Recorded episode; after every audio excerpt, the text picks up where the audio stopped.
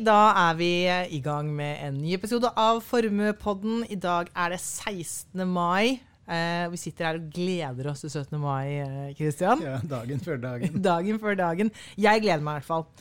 Eh, vi skal ikke snakke mer om 17. mai. Temaet i dag det er, eh, det er et spørsmål du stiller, Kristian. Er vi på vei i en ny økonomisk æra? Eh, og denne æraen som vi da skal utforske senere, da skal vi se på hva er drivkreftene bak denne potensielle æraen, hva blir konsekvensene, og hva vil det bety for investorer. Eh, men før vi kommer så langt, så starter vi jo der vi eh, alltid starter. Kristian, hva har skjedd siden sist i verdensøkonomien og finansmarkedene?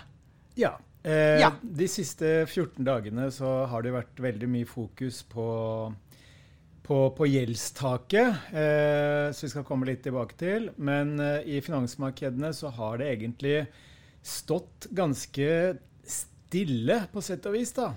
Eh, verdien av eh, det globale aksjemarkedet er eh, ned 0,2% de siste 14 dagene. Vi må jo bruke de siste 14 dagene, siden det er ca. 14 dager siden forrige episode. Ja, ja. Um, og interessant nok så er verdien av globale aksjer målt i norske kroner ned 1,3% Og det er jo fordi at vi endelig, kan man si, eh, eller uheldig nok, har hatt en periode med litt eh, kronestyrkelse. Ah. Så krona er faktisk 2% sterkere mot euro de siste 14 dagene, og 1 sterkere mot, uh, mot uh, dollar. Hmm. Ellers så har det vært eh, videre fremgang for gullprisen. Gullprisen er opp 2 eh, Vi snakket jo litt om eh, potensielle drivkrefter for det sist. Men som kanskje ingen overraskelse, så er det de store teknologiselskapene som drar lasset. Hvor denne f.eks. denne Fang pluss-indeksen mm. med Facebook, Amazon, Apple, Tesla er vel med der, er opp nesten 5 så det er veldig et, et topptungt aksjemarked, som vi snakket litt om sist. Veldig få selskaper som driver eh, hovedindeksene oppover, og da spesielt eh, teknologisektoren. Men det er også interessant nok eh, en del skriverier om eh, hvorfor aksjemarkedet i hele tatt stiger. Da. For det har jo steget ganske greit så langt i år. Og Financial Times har hatt en artikkel der hvor de peker bl.a. på at uh, dette er ikke vanlige investorer av kjøtt og blod som kjøper uh, aksjer om dagen. Det er uh, mer algoritme, databaserte, systemorienterte strategier som fungerer slik at når det er lav volatilitet, altså relativt små utslag i finansmarkedene, så tar de større risiko. Og de har da vært av de største eh, kjøperne. De, altså algoritmene De, de strategiene, altså ja. de hedgefondene og de eh, databaserte investorene, da. Som, som, handler i markedet, og som da handler mye basert på volatilitet. Når volatiliteten da er lav, så kjø, øker de risikoen sin. Og de har vært da med på å trekke markedene opp eh, så langt i år. Fordi hvis man ser på det vi kaller fund flows, altså eh, bevegelser i verdipapirfond, ETF-er, sånne ting. ETF-er? Eh, børsnoterte indeksfond. Eh, exchange traded funds på, okay. på, på tysk. Eh, så har det vært netto outflow, altså netto innløsning. Så veldig mange investorer av kjøtt og blod eh, de er mer skeptiske og, og mer forsiktige. Så det har vært litt sånn, ja, kanskje en sånn fun fact rundt uh, egentlig hvorfor markedene har steget, til tross for at det fortsatt er såpass mye usikkerhet rundt banksektoren, rundt uh, sentralbankene uh, og nå rundt gjeldstaket. Hvorfor er menneskeinvestorene mer forsiktige i det markedet her? Jeg tror det er fordi at det er, eh, som vi har snakket om eh, mange ganger, eh, så har vi liksom the most anticipated recession history i, i vente. så det er eh, mye usikkerhet knyttet til hva disse voldsomme renteøkningene vil bety for verdensøkonomien fremover, hva det vil bety for selskapsinntjeningen. Eh, vi ser svakhetstegn i de økonomiske tallene i øyeblikket.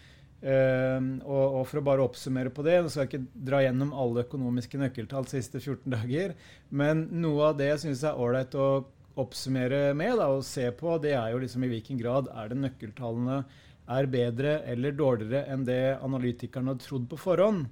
Fordi ofte så drives jo finansmarkedene mer av overraskelser ja. i positiv eller negativ retning enn selve nivået på tallene. Og for ja, noen måneder siden, altså ved inngangen til, til, 2023 og gjennom deler av første kvartal, så kom disse økonomiske nøkkeltallene gjennomgående inn eh, stadig bedre enn forventning. Og det var nok også med på å løfte stemningen gjennom eh, første kvartal i, i markedene. Eh, men nå så er det faktisk eh, slik at eh, netto hvis man liksom oppsummerer alle nøkkeltall, så er det nå netto skuffelser både i USA og i eurosonen. Mens også i Kina så er det da færre positive overraskelser på, på nøkkeltallene. Så dette kan jo indikere at uh, verdensøkonomien er etter et sterkt første kvartal i ferd med å miste litt uh, av marsjfarten sin. Ja, så denne forventede resesjonen, den er fremdeles forventet, og kanskje, ja, hvem vet når den kommer det, er det som eh, alle klør seg i hodet rundt. ikke sant? Det er jo utrolig vanskelig å vite. Eh, men eh, det man i hvert fall Eller det som, det som i hvert fall jeg henger dette på, det er jo arbeidsmarkedene. Fordi hvis arbeidsmarkedene holder seg sterke, så kan forbrukerne, som er så utrolig viktige for økonomien, de kan holde koken, fortsette å bruke penger. Men hvis ledigheten begynner å stige, eh, og man ser stadig flere oppsigelser, ikke bare i bankfinans eller teknologi, men også i andre deler av økonomien, så er det klart at da går vi nok en, inn mot en periode hvor ledigheten stiger og forbruket faller. Og da øker resesjonsfaren eh, betraktelig. Men vi har ikke sett det i, som du sier, i andre markeder enn altså Vi ser det i, i teknologi og men, men, men, ikke andre? Man har begynt å, å se det litt i, i detaljhandelen. Ja. Altså i, i butikker, eh, eksempelvis i, i, USA. Og det er jo litt fordi at veldig mange husholdninger har brukt penger på reiser, opplevelser, eh, underholdning, altså tjenestesektoren, fremfor produkter, mm. som man da gjerne kjøper i, i butikken. Nettopp. Ok, så det var en uh, liten rask oppsummering der på de siste 14 dagene. I går, 15. mai, så så jeg et intervju med deg i uh, Dagens Næringsliv, Christian, med en um, overskrift. Uh, den er det ikke du som velger, men, uh, men det sto noe 'Risikerer en gedigen katastrofe'. Det var jo ganske dramatisk. Så um, hva er det som er så dramatisk? Jo, og journalistene liker jo alltid å fremheve det som er det mest dramatiske. Eh, men dette handlet jo da om det amerikanske gjeldstaket. Eh, skrev, ja, det snakket vi om for to uker siden også. Riktig. Og jeg skrev også om det i min uh, forrige ukes kommentar, hvor jeg skrev litt om bakgrunnen for gjeldstaket, hvorfor det er så viktig, men også at det bak fasaden her uh, hviler en ganske stor elefant i, rommet. Og det er jo amerikanske statsfinanser som over tid nå ikke er bærekraftig. Ja. Så her eh, står amerikanske politikere overfor en gedigen utfordring, ikke bare på kort sikt, men også på lang sikt. Men det, store spørsmålet for to uker siden var jo skal dette gjeldstaket nå heves for 103. gang. Det visste vi jo ikke for to uker siden. Nei, og det vet vi fortsatt ikke. Nei. Det vi vet, det er jo at det har vært eh, forhandlinger mellom demokratene, altså Biden-regjeringen, og republikanerne. Eh, men det siste signalet som jeg leste i Wall Street Journal i dag, det var at uh, republikanske forhandlingsparten han sier at uh, vi er ikke i nærheten av å komme til enighet. Så det, det, lover jo ikke spesielt bra. Og litt sånn konklusjonen min på den kommentaren jeg skrev forrige uke, det er jo at det kan faktisk være finansmarkedene som må fremtvinge eh, en politisk løsning her, gjennom at de setter kniven på strupen til politikerne gjennom å skape turbulens og, og problemer i finansmarkedene, rett og slett. Så, så derfor så eh, det, det, denne overskriften hentyder til, det er jo hvis gjeldstaket ikke løftes. Så hvis, eh, hvis, hvis gjeldstaket ikke løftes for da 130. gang, så eh, risikerer vi en gedigen katastrofe, mener du? Ja, jeg, jeg, er ikke den eneste som sier det. Nei. Det har jo også den amerikanske finansministeren uh, sagt. Og, og, grunnen til det er jo at hvis uh, den amerikanske staten eh, ikke betjener gjelden sin, så vil det skape enorme rystelser i det globale finansielle systemet. Og grunnen til det er jo at amerikanske statsobligasjoner er liksom fundamentet for veldig mye av det som skjer i verdens finansmarkeder. Eh, det er fundamentet for prisingen av en lang rekke verdipapirer. Og ikke minst så trenger USA finansmarkedenes og investorenes tillit for å betjene sin fremtidige underskudd og fremtidig statsgjeld. Ja. Så Derfor så er dette som eh, Janet Yellen, den amerikanske finansministeren, har sagt, det kan bli en gedigen katastrofe hvis man ikke hever gjeldstaket. Nettopp. Så, eh, men eh, ellers så er det da egentlig ikke noe særlig nytt på de to siste ukene. Vi vet fremdeles ikke om det skal heves ennå, så det Nei, kommer vi nok tilbake til. Det vi vet, er at det har vært forhandlinger, men det har ikke kommet til noen løsning. Nei. Men også det journalisten spurte meg om, tror du at gjeldstaket ikke blir hevet? Og at vi får denne gedigne katastrofen, så er mitt svar åpenbart nei. Jeg, nei. Tror, jeg tror, at det, det, det, kommer en løsning, men at det kanskje må være finansmarkedene som fremtvinger det. Kniven på strupen for finansmarkedene, ja. Nei, men det er jo, er jo på en måte det er jo så bra som det kan være med det spørsmålet der. Og da skal vi bevege oss inn i liksom, dagens uh, hovedtema. Dette tror jeg blir veldig veldig spennende. Uh, og det er altså da spørsmålet som, som du stiller, Christian. Det er jo Er vi nå i løpet av en sånn 10-15 års periode er vi på vei i, inn i en ny økonomisk æra. Fordi det er mange endringer som kan få betydning nå for hvordan eh, økonomien utvikler seg fremover. Uh, og, og, det vi da skal se på, er jo som, som jeg sa, det er hva, hva, er disse drivkreftene? Hva blir konsekvensene av dette? Og hva vil dette bety for investorer? Og det er, um, det er seks uh, ting vi skal innom. Det er demografi, kunstig intelligens, det er uh, politisk innblanding i næringslivet geopolitiske spenning og regionalisering, den eh, kostbare og sårbare energitransisjonen og klima og økonomi. Så Kristian, da lar jeg deg få lov til å styre, styre skuta, og så tar vi det derfra. Ja, eh, nei, disse seks eh, drivkreftene de er såpass tydelige og såpass potensielt viktige at jeg syns eh, det er viktig å, å, å, snakke om dem også på, på Formepodden. Fordi de fleste investorer er jo naturlig nok opptatt av hvordan ting vil bli liksom, det neste året og de neste to årene, med tanke på avkastningsmuligheter. Men for de aller fleste som da sparer med en litt lengre horisont, eller investerer med en, en lengre horisont, så er det jo kanskje mer et 10-15-20-årsperspektiv også. Og mange unge i dag sparer jo til pensjon, ikke sant? som kanskje er 30-40 år eh, frem i tid. Og da er det en del av min jobb å prøve å, å se konturene av uh, hvilke, krif, hvilke, drivkrefter som kan påvirke uh, ja, økonomien og finansmarkedene, og dermed avkastningsmulighetene også på, på lengre sikt. Og vi kommer jo fra en, en æra de siste 30-40 årene som har vært preget av globalisering, Kinas fremvekst i verdensøkonomien.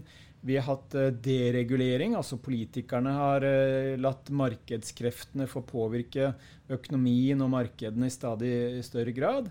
Og vi har også hatt, med bakgrunn i denne kinesiske eh, fremveksten, eh, bl.a. Eh, bidrag til lavere inflasjon og, lavere renter, som da kulminerte i nullrentepolitikk mm. eh, etter finanskrisen. Og det er klart at eh, eh, det er jo ikke sikkert at det, dette nullrenteregimet eh, med globalisering, lav inflasjon, er noe som kommer til å vare evig. Og det vi har sett de siste to årene, hvor inflasjonen liksom har fosset frem og bølget over oss, og vi har hatt disse kraftige renteøkningene, det har jo vært en kombinasjon av ganske mange ulike faktorer. Noen av de eh, er mer strukturelle, mens andre er mer midlertidige. F.eks. knyttet til pandemi, eh, knyttet til ekstreme stimulanser, knyttet til disse forstoppelser i forsyningskjeder osv., som vi har sett eh, de siste årene. Så det jeg skal frem til her, det er jo ikke at uh, de siste to årene nødvendigvis er representative for det vi kommer til å oppleve. Mm. Men vi har fått en liten forsmak. Og en forsmak har vi egentlig fått i flere av disse seks kategoriene som vi skal innom nå. Og det jeg da begynner med, det er jo demografi. Fordi det vi vet, det er at uh, verdens uh, gjennomsnittsalder den blir stadig høyere. Ja. Og om ikke lenge så vil eh, Eller det ser vi kanskje konturene av allerede. Så er andelen mennesker over 60 år eh, flere enn antall mennesker under fem år. Og det skjedde faktisk allerede i 2020. Så det, vi, det, det stadiet er vi faktisk forbi. Det var totalt i verden, sa du? I verden, ja. ja. Eh, og mellom 2015 og 2050 så vil andelen mennesker over 60 år stige fra 12 til 22 av verdens befolkning, ifølge FN. Og antall mennesker over 60 vil øke fra 1 milliard i 2020 til 1,4 milliarder i 2030 og 2,1 milliarder innen 2050. Og mellom 2020 blir mye fun, fun facts her, og mellom 2020 og 2050 så vil antallet mennesker over 80 år tredobles til 426 millioner. millioner. Mm.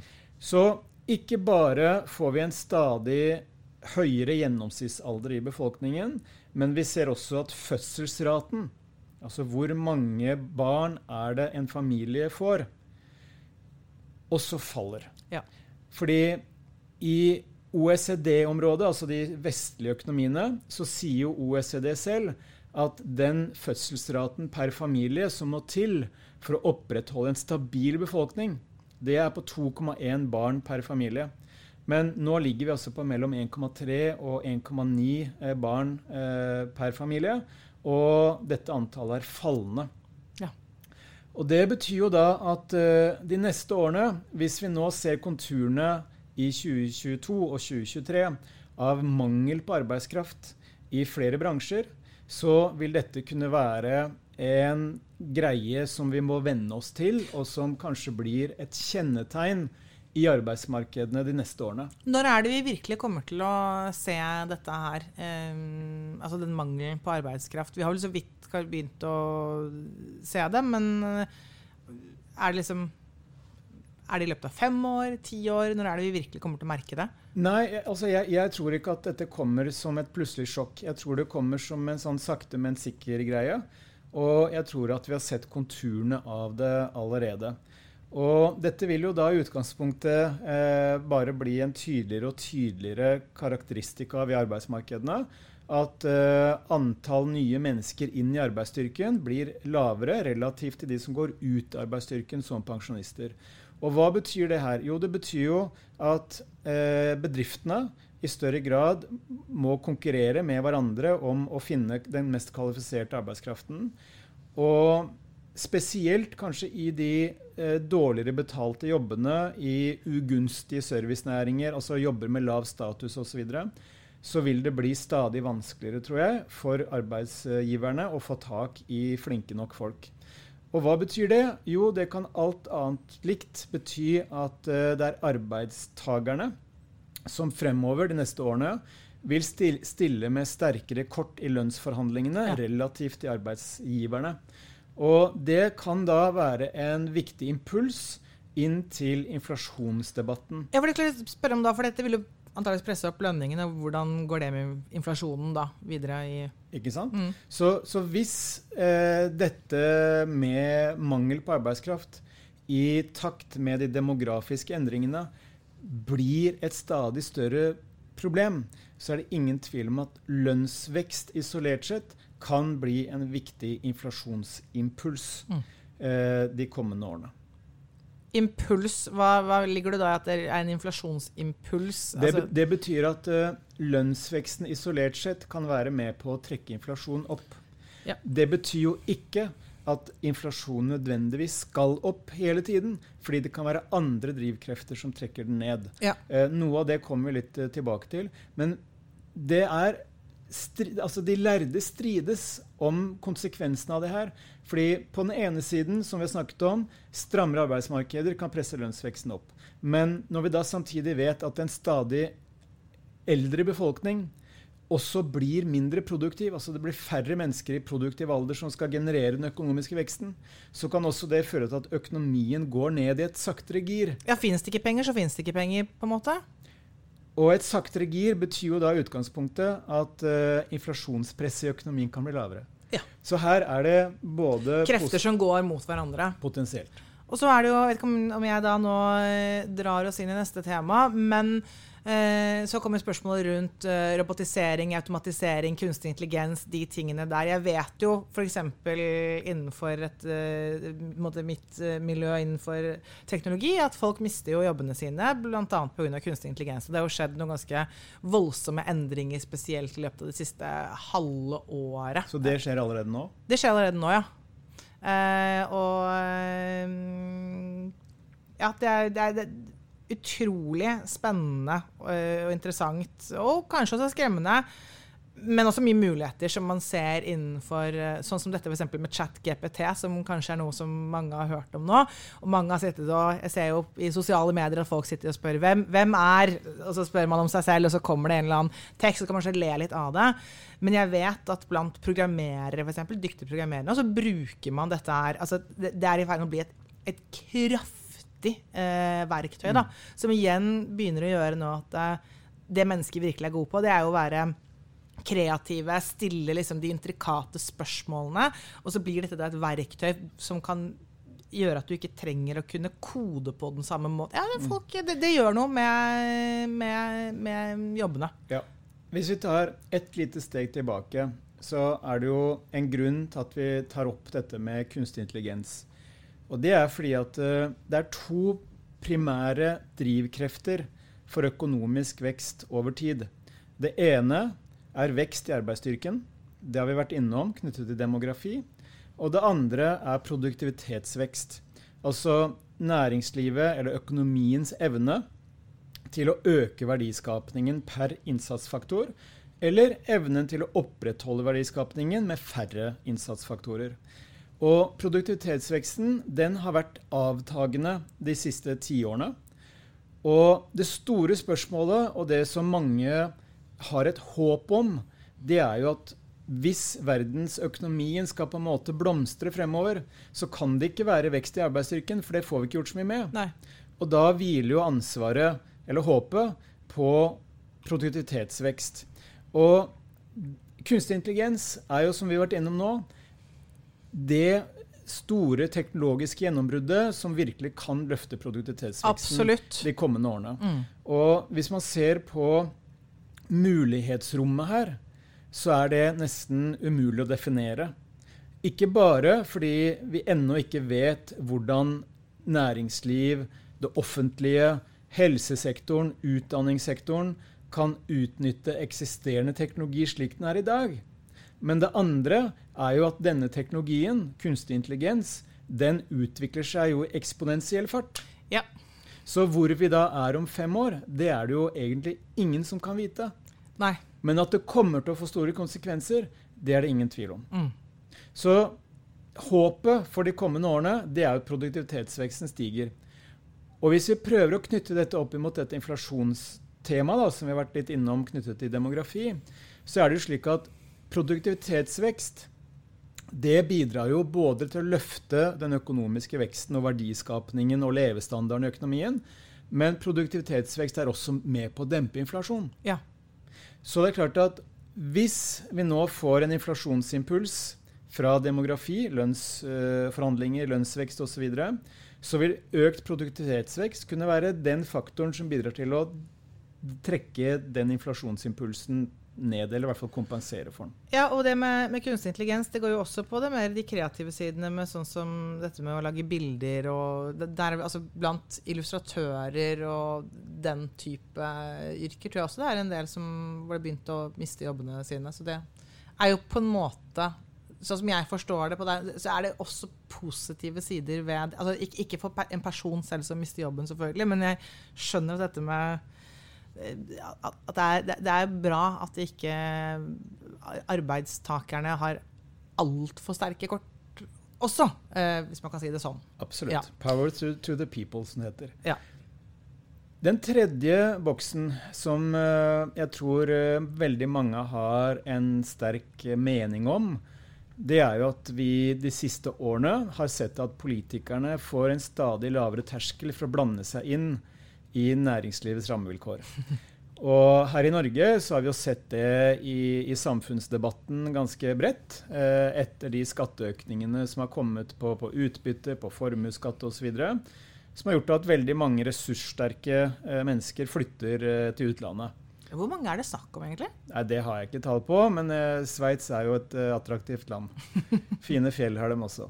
Men poenget mitt da med denne finanspolitikk, eller denne eh, politiske aktivismen, det er jo at når politikerne har en lavere terskel for å gripe inn i, i skatt, i, i, skattlegging, i regulering, i subsidier, altså dette er både på godt og vondt, så skaper det også et mindre forutsigbart eh, landskap for næringslivet å manøvrere i. Ja. Fordi man vet aldri helt hvor haren hopper, med tanke på aktive politikere. Og det er klart at Når vi da skal inn i diskusjonen rundt energitransisjon, som vi skal komme litt tilbake til, så er det ingen tvil om at politikerne kommer til å få en ekstremt viktig rolle i, i å løse de utfordringene. Eh, og når vi da samtidig vet at det er eh, hva skal si, ganske store spenninger i det politiske landskapet og i velgermassen også, om hvilken retning man skal ta, og hvor fort dette skal gå, så kan det også skape politisk ustabilitet eh, i kanskje enda større grad enn det vi allerede har sett. Og da skal vi ikke begynne å snakke om amerikansk politikk. Nei. men, men, bare for å nevne noen eksempler. Altså jeg har nevnt eh, norsk skattlegging og norsk politikk. Jeg har nevnt eh, tidligere eh, europeiske subsidier knyttet til energikrisen som vi hadde nå i vinter. Hvor både bedrifter og husholdninger fikk eh, subsidier for å overleve vinteren. Og ikke minst har vi sett en veldig aktiv finanspolitikk fra Biden-administrasjonen knyttet til denne Inflation Reduction Act, som heter på merkelig vis. Eh, som da i hovedsak handler om ganske voldsomme investeringer og subsidier knyttet til klimateknologi og halvlederproduksjon. Og egentlig en slags reindustrialisering i amerikansk økonomi. Så det er tre eksempler på en mer aktiv finanspolitikk. Yes. Da skal vi bevege oss over i eh, driver nummer fire. Eh, skal vi det? Det skal vi, og det handler jo om eh, det som skjer i, innenfor det geopolitiske området, og det er jo dessverre ikke så rent lite.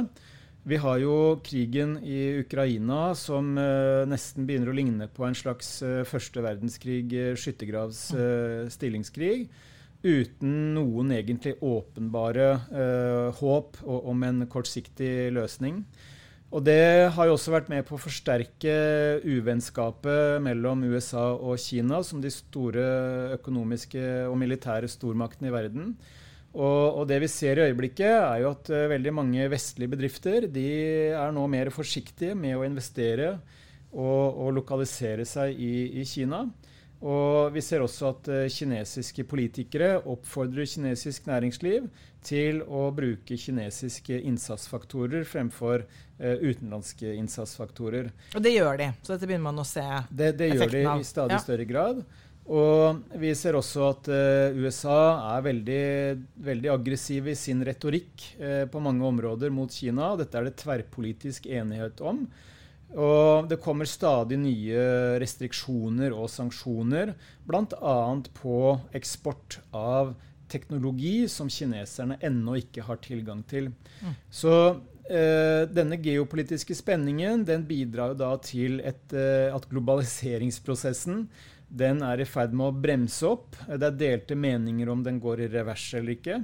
Men eh, så langt så er det mer en, en oppbremsing, sannsynligvis. Og det, Hvis vi da forutsetter at uh, globaliseringsprosessen de siste 30-40 årene har vært med på å redusere inflasjon og dermed redusere rentenivå, så vil jo en oppbremsing i globaliseringsprosessen alt annet likt kunne virke motsatt. Det vil si at når man får mer regionaliserte økonomier, mer tydelige blokker med, med alliert, geopolitisk allierte, så vil jo produksjonsnivået i de respektive blokkene alt annet likt stige, fordi man ikke kan utnytte hverandres komparative fortrinn, som heter på fagspråket. Og så er jo ikke alt annet likt, så det er jo ikke gitt at det er det som skjer allikevel. Nei, vi, vi vet ikke. Men det er veldig mange som mener at denne, denne geopolitiske antagonismen da, mm. den er i hvert fall ikke med på å dempe inflasjon. Den er i hvert fall ikke med på å dempe Den er heller med på å skape et mer ustabilt og uforutsigbart inflasjonsregime. Og vi vet også at nå ruster jo alle land omtrent opp for forsvarsbudsjettene sine. Og det er klart at uh, det å produsere nye tanks og raketter og, og militære droner osv. Det har jo en økonomisk verdi i selve produksjonsprosessen, fordi det sysselsetter mennesker, det liksom skaper lønninger og sånne ting.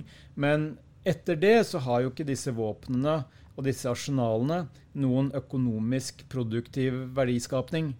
Så dette er jo ikke nødvendigvis med på å øke den eh, si, potensialet i verdensøkonomien for en blomstrende fremtid? Nei, absolutt ikke. Eh, og da glir vi fint over til driver nummer eh, seks, som da er en kostbar og sårbar energitransisjon. Ja, nå er vi fortsatt på fem, men Unnskyld, det, unnskyld det fem. Ja, nummer fem. Neste driver. Neste driver. Ja. Og det handler jo om energitransisjon. Og dette har vi snakket om eh, ved flere anledninger. Dette er jo et område som du også kan eh, veldig mye om. Og det er klart at uh, For å gjøre dette veldig enkelt, uh, så skal jo verden fase ut uh, fossil energi og fase inn fossilfri energi. Mm.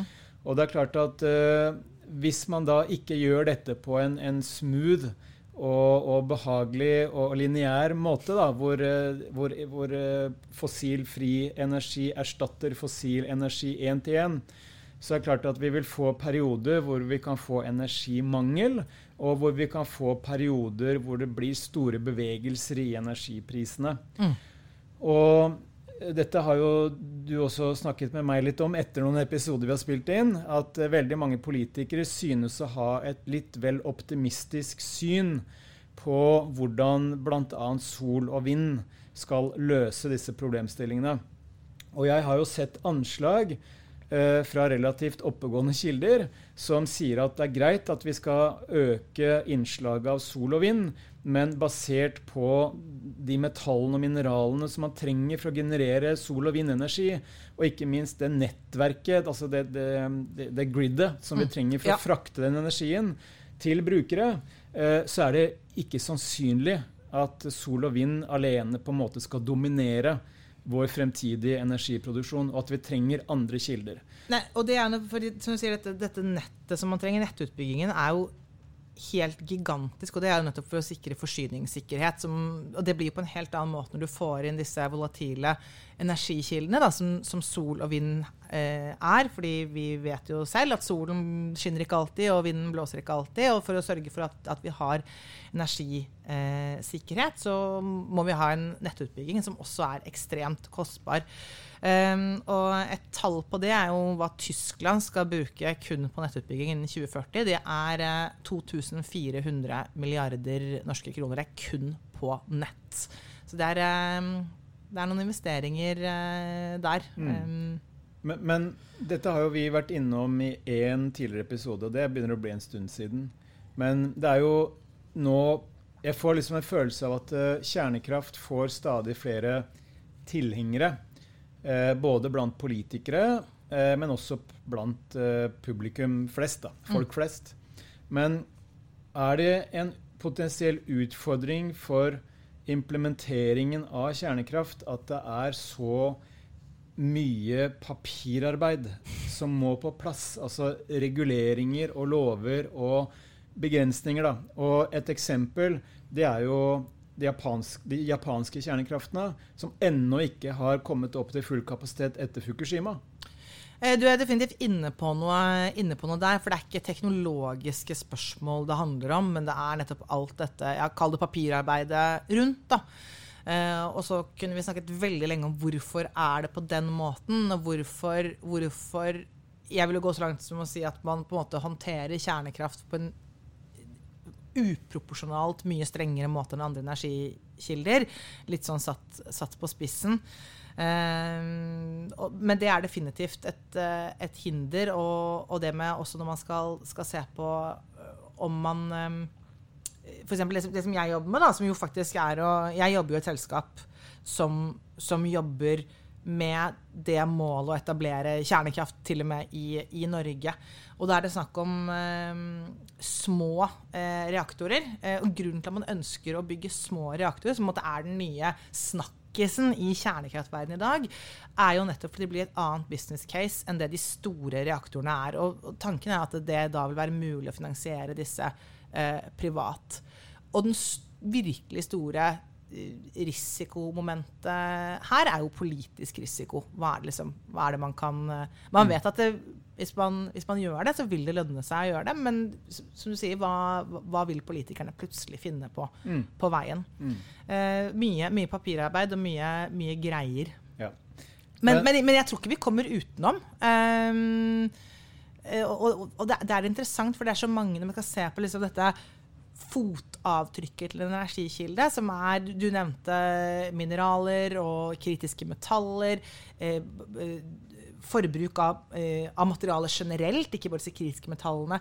Avfall, areal osv. Og, så og da er det sånn at eh, forskjellige energikilder har forskjellige, forskjellige, fotavtrykk. Med en ting som vi jo har sett bl.a. i Norge nå, er det dette med arealkonflikter. For dessverre så er ikke de klassiske fornybare de er ikke så energitette. Altså de krever, de krever mer, mer areal. Um, og der, der, kommer jo kjernekraft inn som en, den aller mest energitette uh, formen man, man har. Og ja, det blir spennende å se hva som skjer fremover, egentlig. Absolutt. Uh, og, det som er litt av grunnen til at jeg har med dette med energitransisjon da, i dette fremtidige bildet rundt en ny økonomisk æra, er jo også at uh, når vi da må anta at denne energitransisjonen ikke kommer til å bli så veldig smooth Smooth blir det ikke. Uh, den kommer til å gå i rykk og napp, og det kommer til å være perioder med fremgang og tilbakegang så vil det bety at vi får perioder, flere perioder enn vi har vært vant til, med store bevegelser i energiprisene. Mm.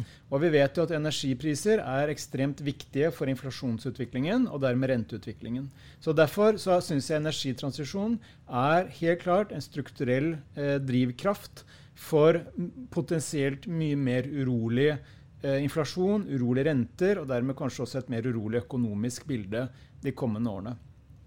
Og dette er jo også direkte knyttet til dette med klima. Ja. Fordi allerede nå i 2022 så så vi at uh, hetebølger, ekstremvær, uh, førte til langt større økonomiske konsekvenser enn det vi har vært vant til å se. Mm. Og hvis vi da antar at klimaendringene og de ekstremværperiodene ikke kommer til å bli færre, men flere, og kanskje i større omfang, så ser vi altså allerede nå 2023 at uh, vi har vel den lengste perioden uten regn i Spania noensinne, tror jeg. Ja. Og det fører til uh, store problemer for uh, jordbruket. Og vi har sett rekordhøye priser på olivenolje, bl.a.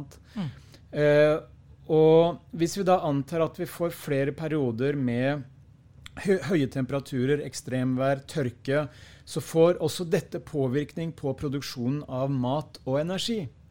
Og et eksempel der som er knyttet til ditt område, Sunniva, det er jo at uh, i 2022 så var jo vannet i elvene som franske kjernekraftverk bruker for å kjøle ned reaktorene, det var for varmt for at de skulle kunne slippe vannet ut igjen uten å skade dyrelivet og, og fiske, fiskene i, i elvene igjen. Og det er klart at Hvis klimaet da får store konsekvenser, ikke bare for vannkraft, men også for kjernekraft, så vil jo dette helt klart kunne påvirke prisen på energi, mm. og det vil kunne påvirke prisen på gjødsel, prisen på mat igjen. Yeah. Så hvis vi da snakker om priser, så snakker vi også om inflasjon. Så Derfor så tenker jeg at dette med energitransisjon og klimaendringer sammen begge kan bli kilder til et mer urolig inflasjonsbilde. Mm. Yes. Da var vi egentlig gjennom da, disse seks, eh, seks driverne. Eh, så, så da er jo spørsmålet eh, Greit nok, det, men hva, hva, betyr dette her, da? Jo, vi har vært litt inne på det. Men i mitt hode i hvert fall, og, og, det er ikke bare mitt hode, men det er flere andre også som tenker det samme, og som sikkert har klokere hoder enn meg. Men når man da ser konturene av et, altså et ganske stort antall potensielle drivkrefter for bevegelser i inflasjon, som egentlig alle disse seks komponentene vi har vært gjennom, er, så er det ingen tvil om at da vil inflasjonsbildet kunne bli mindre forutsigbart. Det vil kunne bli mer urolig. Og vi vil kunne få flere perioder der inflasjonen stiger kraftig, og flere perioder der inflasjonen faller kraftig. Og hvis vi da samtidig vet at finansmarkedene, økonomien, er veldig avhengig av hvordan inflasjonen utvikler seg. Det er det ene. Men man er også veldig avhengig av hvordan rentene utvikler seg, hva sentralbankene gjør med styringsrenter. For det påvirker finansieringskostnader, det påvirker investeringsvilje, forbruksvilje, alt det her. Og det påvirker prisingen av verdipapirer i finansmarkedene. Så betyr jo det at vi sannsynligvis får et mer urolig økonomisk bilde ja. de kommende årene. Og det vil alt annet likt, tror jeg, føre til at finansmarkedene vil sette en høyere pris på penger enn det vi har vært vant til. Og det betyr jo Hvor mye at, høyere da? Nei, det er umulig å, ah, okay. å tallfeste. Det er umulig å kvantifisere. Men vi vet jo at uforutsigbarhet i seg selv skaper det vi kaller en risikopremie i finansmarkedene. Altså man vil ha litt ekstra betalt i form av avkastning for å ta risiko når den risikoen er vanskeligere å tallfeste. Og hvis vi da antar at vi får et høyere normalnivå for renter, altså rentenivået vil være høyere, det vil svinge, men gjennomgående være høyere enn det vi har vært vant til, og spesielt gjennom nullrenteregimet, så vil det også få ganske store konsekvenser for investorene.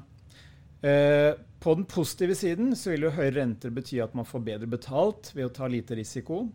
Eh, men på den utfordrende siden kanskje så vil det bety at eh, finansieringskostnadene i næringslivet vil stige, og kapitalavkastningen i næringslivet vil kunne bli lavere. Men det jeg og, og, vi er veldig opptatt av, det er jo ok, men hvilke avkastningsmuligheter gir jo det her?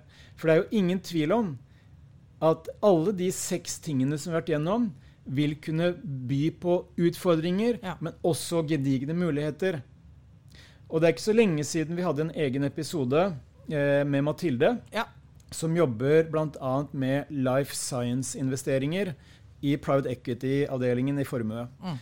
Og dette er jo investeringer som direkte forsøker å bidra til, men også kapitalisere på, eh, den, den, eh, den, demografiske utviklingen og de utviklingen av legemidler, helsetjenester osv.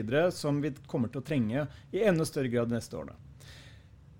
Men når man da antar at vi får et mer urolig makroøkonomisk bilde, vi forventer at uh, vi får et høyere generelt finansieringsnivå, altså kostnadene for finansiering vil stige, så betyr jo det også at Clinton vil skilles i stadig større grad fra hveten i næringslivet. De selskapene som har overlevd de siste ti årene fordi renten har vært null, og de har kunnet finansiert seg ekstremt billig fordi risikoviljen var høy fordi renten var null, så er det ikke sikkert at de såkalte zombieselskapene vil overleve de neste fem til ti årene.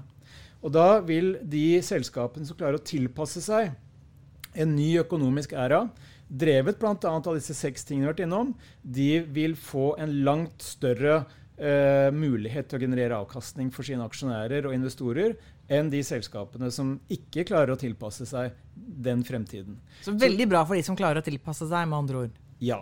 Så poenget mitt er at avkastningsmulighetene kommer til å være der i like stort monn, men de blir kanskje mer krevende å finne. Og Det er derfor eh, mange aktører, eh, store investeringsbanker, også peker på at mens de foregående årene har vært en fantastisk periode for passive investeringer, altså eh, indeksfond og indeksforvaltning, så vil de kommende årene i denne nye økonomiske æraen bli langt større muligheter for aktiv forvaltning fremfor passiv forvaltning. Altså muligheten til å bruke nettverk, kompetanse, kunnskap til å bestemme det vil jeg investere i, men det vil jeg ikke investere i. Mm. Og Det er en vesensforskjell fra det man har sett de foregående årene, hvor man egentlig bare kunne kjøpt, kjøpt, kjøpt markedet rått og røti, som vi sier på Hamar, og fått eh, fantastisk avkastning. Så man trenger mer kunnskap nå? Ja, jeg tror det blir Ja. enda mer krevende. fordi Tenk på f.eks. dette med kunstig intelligens og hva det kommer til å bety for næringslivet de kommende årene. Det kommer til å få kjempekonsekvenser. Og ville du da investert i et fond som på en måte sier at eh, all AI er like bra? Eller ville du investert i et fond som, som har faktisk AI-kompetanse blant forvalterne? Spisskompetanse, og som klarer å skille Clinton fra hveten innen AI? 100% de som har, Og det gjelder for så vidt egentlig innenfor tech eh, generelt. Jeg vil gjerne ha folk som faktisk kan disse, disse tingene her. Så kunnskap og kompetanse og risikospredning blir ekstremt viktig de kommende årene. Og da, så det, Vi skal ta det superenkle eller Sånn som jeg forstår det. Vi starter med å stille spørsmålet Er vi på vei inn i en ny økonomisk æra. Og jeg forstår det som at eh, ja, vi er på vei inn i en ny økonomisk æra. Med det så takker jeg, eh, takker jeg for eh, i dag. Eh, tusen takk til deg som eh, lyttet. Takk til deg, Kristian, for spennende samtale. Og så har jeg en liten oppfordring til deg som lytter, og det er å um, følge oss, eller følg Formuepodden, enten om du hører på oss på Spotify eller Apple Podcast eller et annet sted. Ved å følge oss så får du varsel om da når en ny episode kommer ut. Og det vil du ikke gå glipp av. Så uh, god 17. mai, um, må jeg jo si. Og hvis 17. mai er over når du hører oss, så håper du hadde en fin 17. mai.